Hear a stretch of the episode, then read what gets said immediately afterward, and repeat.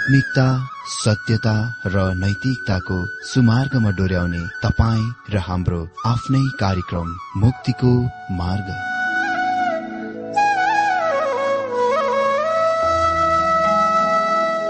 आदरणीय श्रोता यस मुक्तिको मार्ग कार्यक्रममा हार्दिक स्वागत छ। आशा छ यस आत्मिक कार्यक्रमद्वारा जीवनमा आत्मिक आशिष अलौकिक शान्ति र आनन्द प्राप्त गर्नुहुनेछ। र जीवनमा धन्य अनुभव गर्नुहुनेछ। आउनुहोस् श्रोता। मन र आत्माको तयारीको लागि यो मिठो अनि मधुर भजन गीत सुनौ। मैले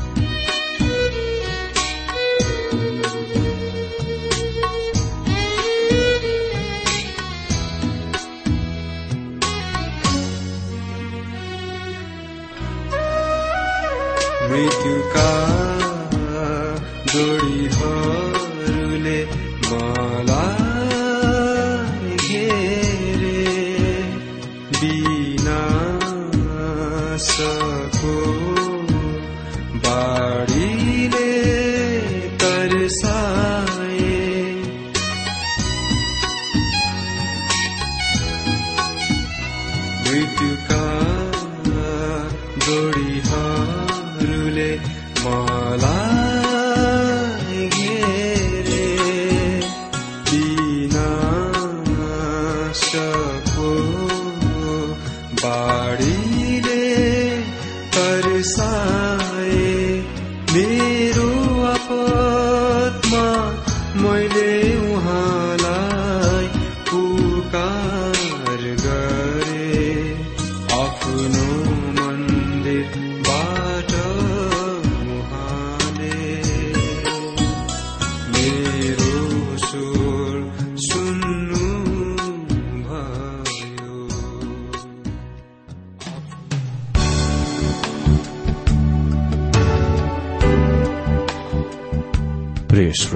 यो प्रसारण मार्फत यो अवगत गराउन चाहन्छौ कि प्रभुको सेवाको लागि यहाँहरूको साझेदारी नित्यन्त आवश्यकता छ।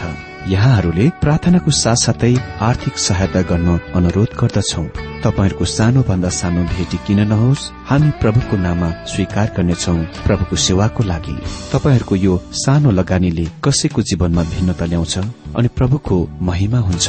प्रभु तपाईँहरूलाई महान गरी आशिष दिनुहुनेछ। इच्छुक श्रोताहरूले तपाईँको इच्छा भेटी हाम्रो ठेगानामा पठाउन सक्नुहुन्छ जुन ठेगाना हामी कार्यक्रमको अन्तमा दिनेछौं। मित्र आज पनि तपाईँ सबैलाई मेरो प्यार भरा नमस्कार साथै यस बाइबल अध्ययन कार्यक्रममा हार्दिक स्वागत छ। मित्र म तपाईँ सबैलाई धेरै धेरै धन्यवाद दिन चाहन्छु। तपाईँहरूका सुन्दर संगतिको लागि तपाईँहरूको पत्रको लागि जुन मैले सधैँ नै प्राप्त गरिरहेको छु म आफैलाई नै भाग्यमानी ठान्दछु यसको लागि। र प्रभुलाई धन्यवाद दिन्छु साथै तपाईँ सबैलाई धन्यवाद दिन्छु कि तपाईँहरूले याद गरेर पठाउनु भएको पत्रहरू हामीले लगातार प्राप्त गरिरहेका छौं। अनि हामीले पनि तपाईँहरूको पत्रको उत्तर दिइरहेका छौं जस्तो हामीलाई लाग्छ। र हामी चाहन्छौ कि यसरी नै हामी बीचको यो आत्मीय संगति बनिरहोस् र तपाईँको सुझावहरूको पनि हामी स्वागत गर्न चाहन्छौ।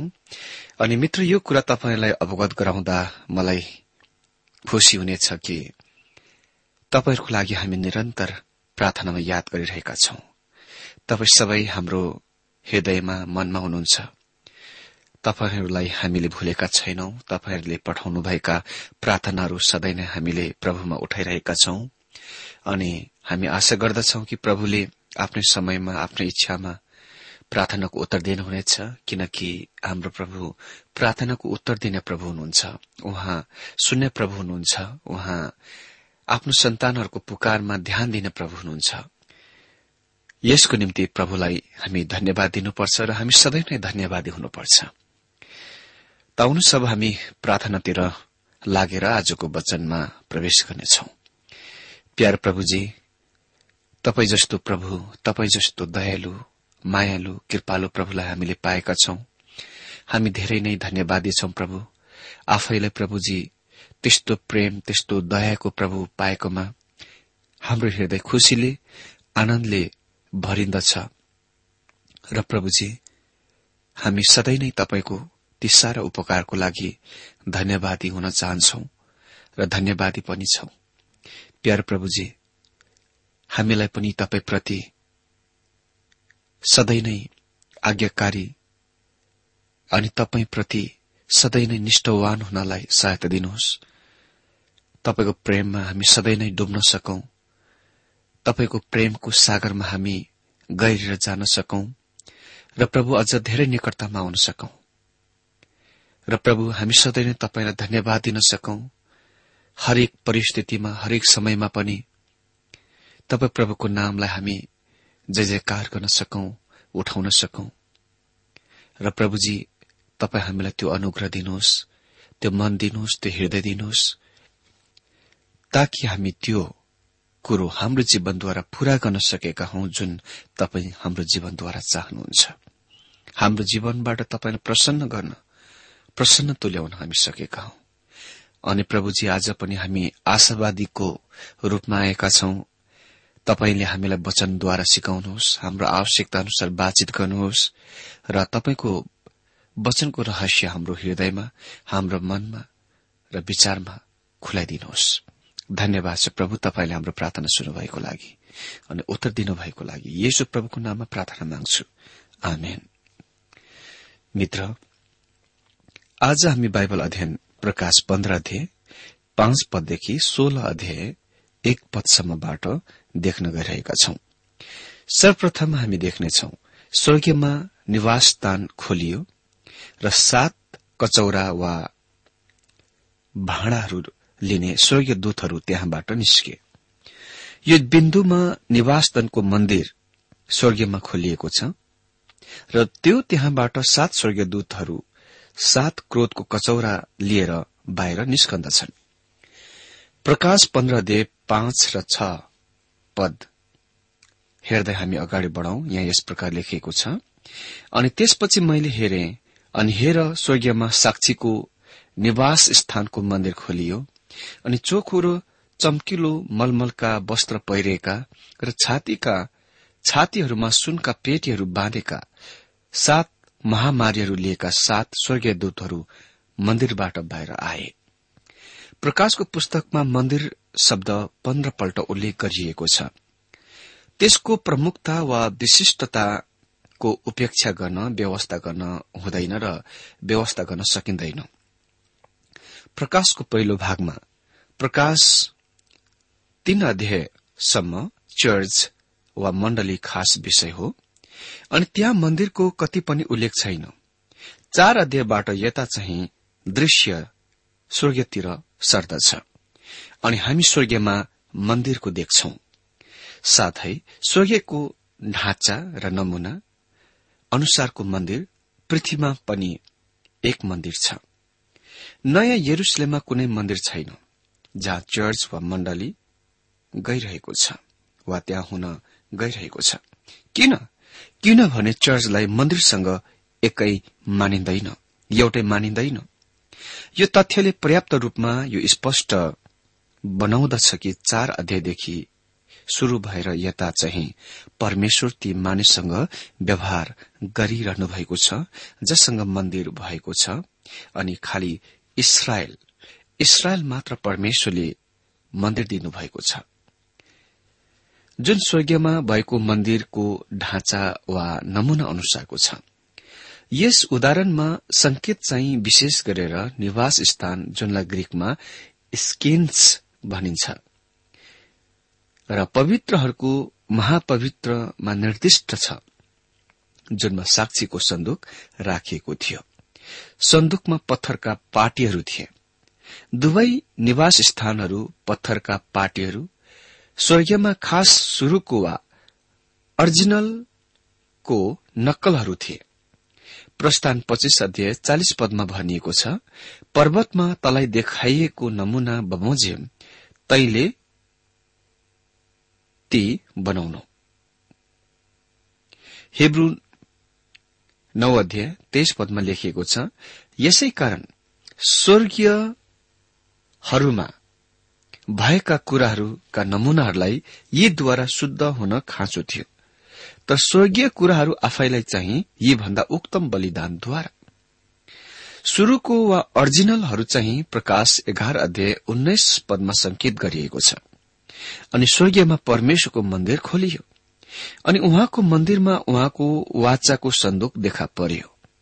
अनि बिजुलीहरू चम्के आवाजहरू र गर्जनहरू भए भुइँचालो गयो र ठूलो असिना पर्यो। यहाँ परमेश्वरको कार्यवाही चाहिँ इसरायलसँग उहाँको करारको उल्लंघनमाथि आधारित छ। अर्थात व्यवस्थाको उल्लंघन परमेश्वर त्यसमा धर्मी हुनुहुन्छ जुन उहाँ गर्न लागिरहनु भएको छ। उहाँले न्याय गर्नुहुनेछ दण्ड दिनुहुनेछ। त्यसपछि उहाँले इसरायलसँग उहाँको करारको पूरा गर्नुहुनेछ। यो पुस्तकमा स्वर्गीय दूतहरूको विशिष्टता यस पोइन्टमा यस बिन्दुमा स्वर्गीय दूतहरू फेरि पटक पटक प्रकटनद्वारा हाम्रो ध्यान आकर्षणलाई खिच्दछ। हामीले अघिल्ला अध्यायमा देखिसकेका छौं कि सात स्वर्गीय दूतहरूले सात तुरैहरू फुके। यहाँ सात स्वर्गीय दूतहरूका नयाँ अनुक्रममा वा मालाहरू छ। जससँग क्रोधका सात कचौराका सात महामारीहरू छन्।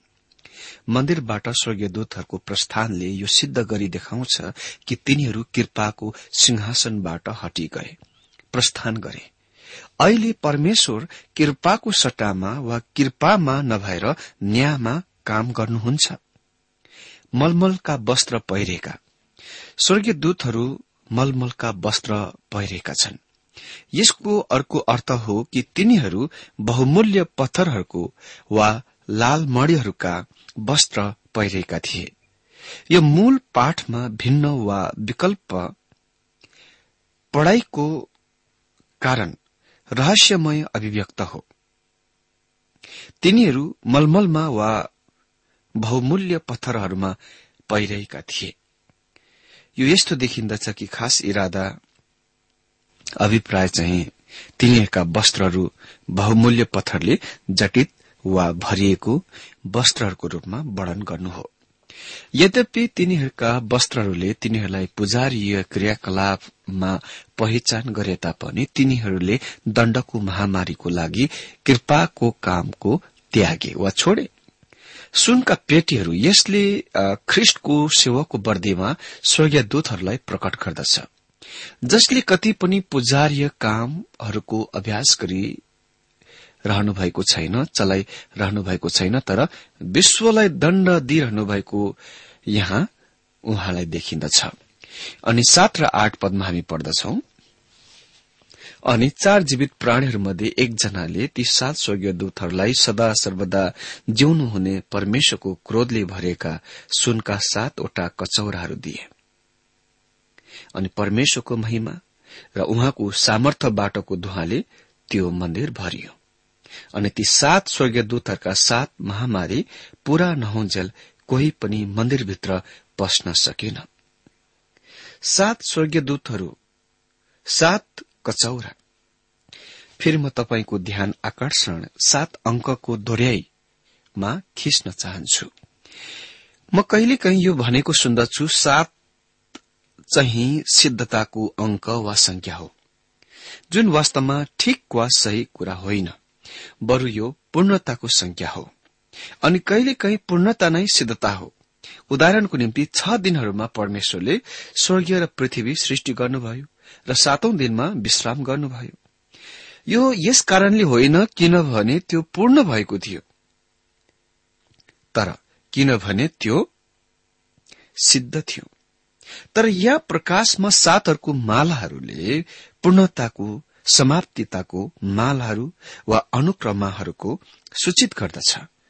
मेरो विचार धारणा यो छ कि सात मण्डली वा चर्चहरूको मालाहरू वा अनुक्रमाहरूमा हामीसँग चर्चको मण्डलीको सम्पूर्ण इतिहास छ।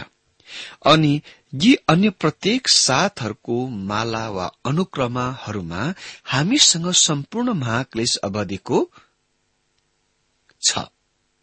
अर्को शब्दमा प्रत्येकले यो सबैको ढाक्दछ। प्रथममा सात छापहरूमा हामी विस्तृत रूपरेखा देख्छौ।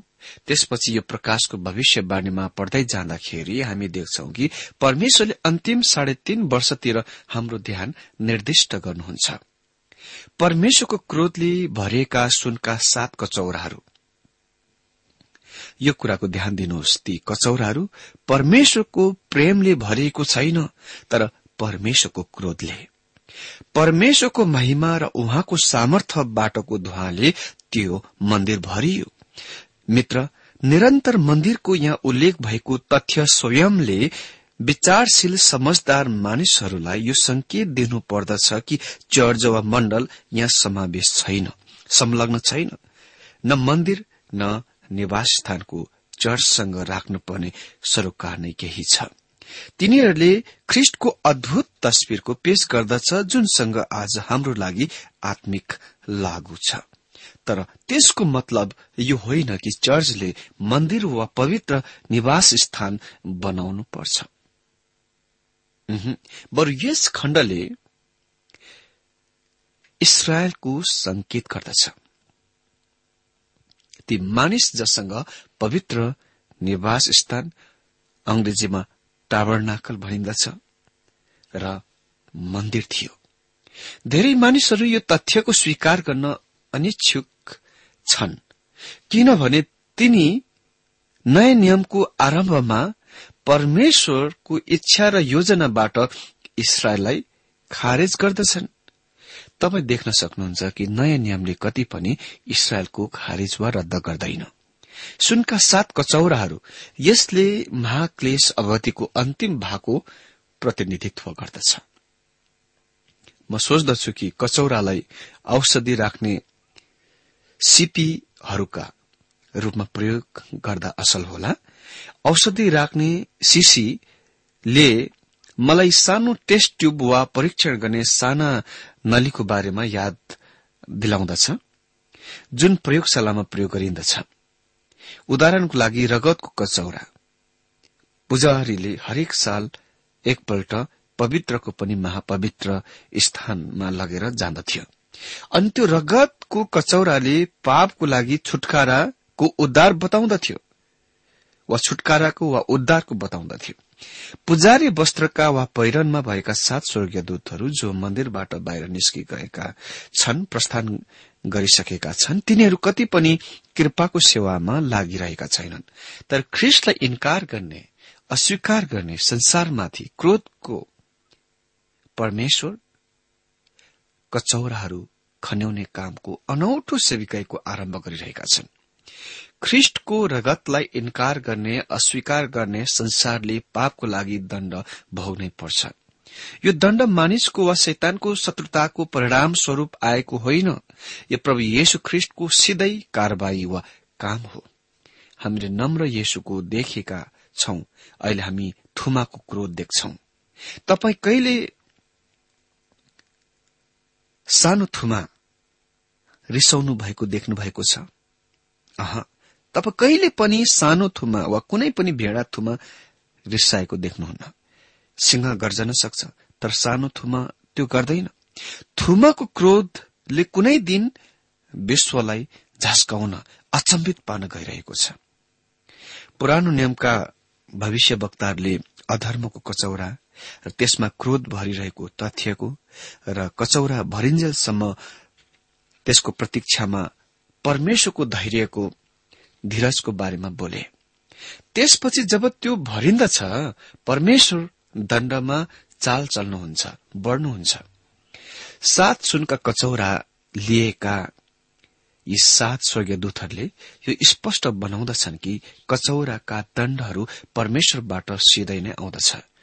मानिसको भूलचुक वा गल्तीको वा शैतानको शत्रुताको परिणाम स्वरूप आएको होइन। यी दण्डहरू परमेश्वरका सिधै कारवाही वा क्रिया हो। त्यसपछि हामी सोह्र अध्यायतिर पनि झट्टै प्रवेश गरिहालौं। मित्र यो सोह्र अध्यायको मुख्य विषय पनि सात स्वर्गीय दूतहरूले पृथ्वीमाथि परमेश्वरको क्रोधको सात कचौराहरू खन्याई नै हो। अनि साथै यसले छैठौं र सातौं कचौराको बीचको जुन समय विराम वा अन्तरालको छ त्यसको पनि सम्मिलित गर्दछ। अध्याय पन्ध्र यो अध्यायको प्रस्तावना थियो। र संगठित रूपले पन्ध्र अध्यायसँग जोडिएको छ। मित्र यो पुनः दोहोरिने कुरा एकदम मुनासिब हो किनकि विश्वमाथि सिधै परमेश्वरको दण्ड त्यस क्रोधको कचौराहरूभित्र छ। त्यो मानिसको गलत कामहरूबाट वा शैतानको तर्फबाट आउँदैन।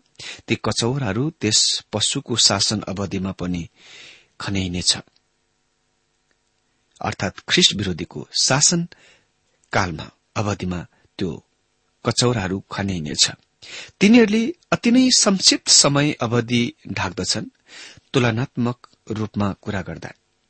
त्यहाँ निश्चय नै यो अध्यायमा उल्लेखित दण्डहरू र मोसाद्वारा मिश्रमाथि परमेश्वरको दण्डहरू बीच एकदम मिल्दोजुल्दो कुरो छ। त सर्वप्रथममा हामी यहाँ देख्छौ महाक्लेशको अन्तिम दण्डको लागि तयारी। यो सोह्र अध्यायको पहिला पदले स्वर्गीय दूतले ठूलो आवाजले दिएको सन्देश बताउँदछ। सोह्र अध्याय एक पदमा भनिएको छ अनि यी सात स्वर्गीय दूतहरूलाई मन्दिरबाट यसो भन्दै गरेको एउटा ठूलो आवाज मैले सुने। जाओ र परमेश्वरका क्रोधका कचौराहरू पृथ्वीमाथि खन्याऊ मित्र म तपाईँलाई यो कुराको याद दिलाउन चाहन्छु कि प्रभु येशु ख्रिष्ट अझै पूर्ण कार्यभारमा अझै पनि हुनुहुन्छ। यो कुराको याद राखौं कि पछाडि पाँच अध्यायमा प्रभु येशु मात्र सात छाप मारिएको पुस्तक खोल्ने योग्य हुनुहुन्थ्यो अनि छापहरूको उहाँको खोल्ने काम सातहरूका सम्पूर्ण अनुक्रममा वा मालाहरूमा परिचय गरिएको छ। यो पुस्तकको अन्त्यमा उहाँ शासन र नियन्त्रणमा हुनुहुन्छ। सर्वभौम अधिकारमा हुनुहुन्छ। उहाँ एक हुनुहुन्छ जो विजयतिर बढ़िरहनु भएको छ।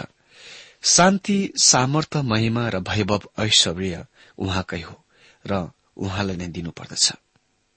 यो ख्रिस्टलाई इन्कार गर्ने विश्वमाथि उहाँको दण्ड हो। परमेश्वरले सम्पूर्ण न्यायको उहाँलाई सुम्पिदिनु भएको छ। ख्रिस्ट नै एक हुनुहुन्छ जसले हुकुम आदेश दिनुहुन्छ र यी सात स्वर्गीय दूतहरूलाई अन्तिम दण्डहरूसहित पठाउनुहुन्छ। त्यहाँ कति पनि विलम्ब हुने छैन। त्यहाँ कति पनि अन्तराल विराम बीचको समय हुने छैन। समय आइपुगिसकेको छ आज्ञा दिइसकिएको छ र सात स्वर्गीयदूतहरूले आदेशको वा हुकुमको कार्यान्वित गर्दछन्। अन्य मानिसहरू त के? ख्रिस्टियनहरूको लागि पनि यो विश्वास गर्न कठिन छ कि परमेश्वरले आफ्नो क्रोध विद्रोही र परमेश्वरलाई घृणा गर्ने संसारमा खन्याउन गइरहनु भएको छ। र यो सभ्यताको नष्ट गर्नुहुँदछ। मित्र यो कोही कोही ख्रिस्टियनहरूले विश्वास गर्नलाई नै कठिन छ। तर यो मेरो मित्र आज तपाईँले देख्ने हरेक कुरा परमेश्वरको दण्डमुनि छ। अनि परमेश्वरले निश्चय नै दण्ड दिन गइरहनु भएको छ। मित्र आज यो भ्रष्टित विश्वको वैभव शान ऐश्वर्य सबै बित्न गइरहेको छ। नष्ट हुन गइरहेको छ। यो परमेश्वरको दण्ड मुनि छ। यो कुनै दिन सबै धुवामा विलिन हुन गइरहेको छ। त्यसकारण हामीले आफ्नो लगानीहरू स्वर्गीयमा लगाउनु पर्छ जहाँ ख्याल लाग्छ न किरा नै लाग्छ न त्यहाँ त्यो नष्ट हुन्छ न चोरले चोरेर लान सक्छ। सायद तपाईँले भन्नुहोला म आफ्नो पैसालाई सुरक्षित स्थानमा लगाउँछु वा राख्छु? हा निश्चय नै त्यो गर्न सक्नुहुन्छ तर अझै तपाईँले तिनीहरूको गुमाउन गइरहनु भएको छ।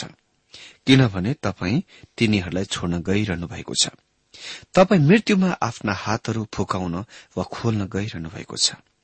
तपाई तिनीहरूलाई यहाँ नै मृत्युमा छोड्न गइरहनु भएको छ। तपाई खाली हात आउनुभयो रित्तो हात नै फर्केर जानुहुनेछ। त्यसकारण हामीले स्वर्गीयको ब्याङ्कमा नष्ट नहुने धन सम्पत्ति थुपार्दै सञ्चय गर्दै उक्तम हुनेछ र हामीसँग भएका भौतिक कुराहरूलाई यसको निम्ति प्रयोग गर्दै असल हुनेछ। तपाईँ र म रहेको यो संसार परमेश्वरको दण्डमुनि छ। यो धेरै विश्वासीहरूको लागि पनि ग्रहण गर्न वा स्वीकार गर्न कठिनको कुरा हो। तर मित्र यो परमेश्वरको वचनले भन्छ र परमेश्वरको वचन सधैँ सत्य हुन्छ। यो पूरा इतिहास साक्षी छ। परमेश्वर जे गर्नुहुन्छ जे भन्नुहुन्छ त्यो गरेर देखाउनु भएको छ र देखाउनुहुनेछ। मित्र प्रभुले तपाईँ सबैलाई आजको यो वचन अध्ययनमा धेरै धेरै आशिष दिउन्।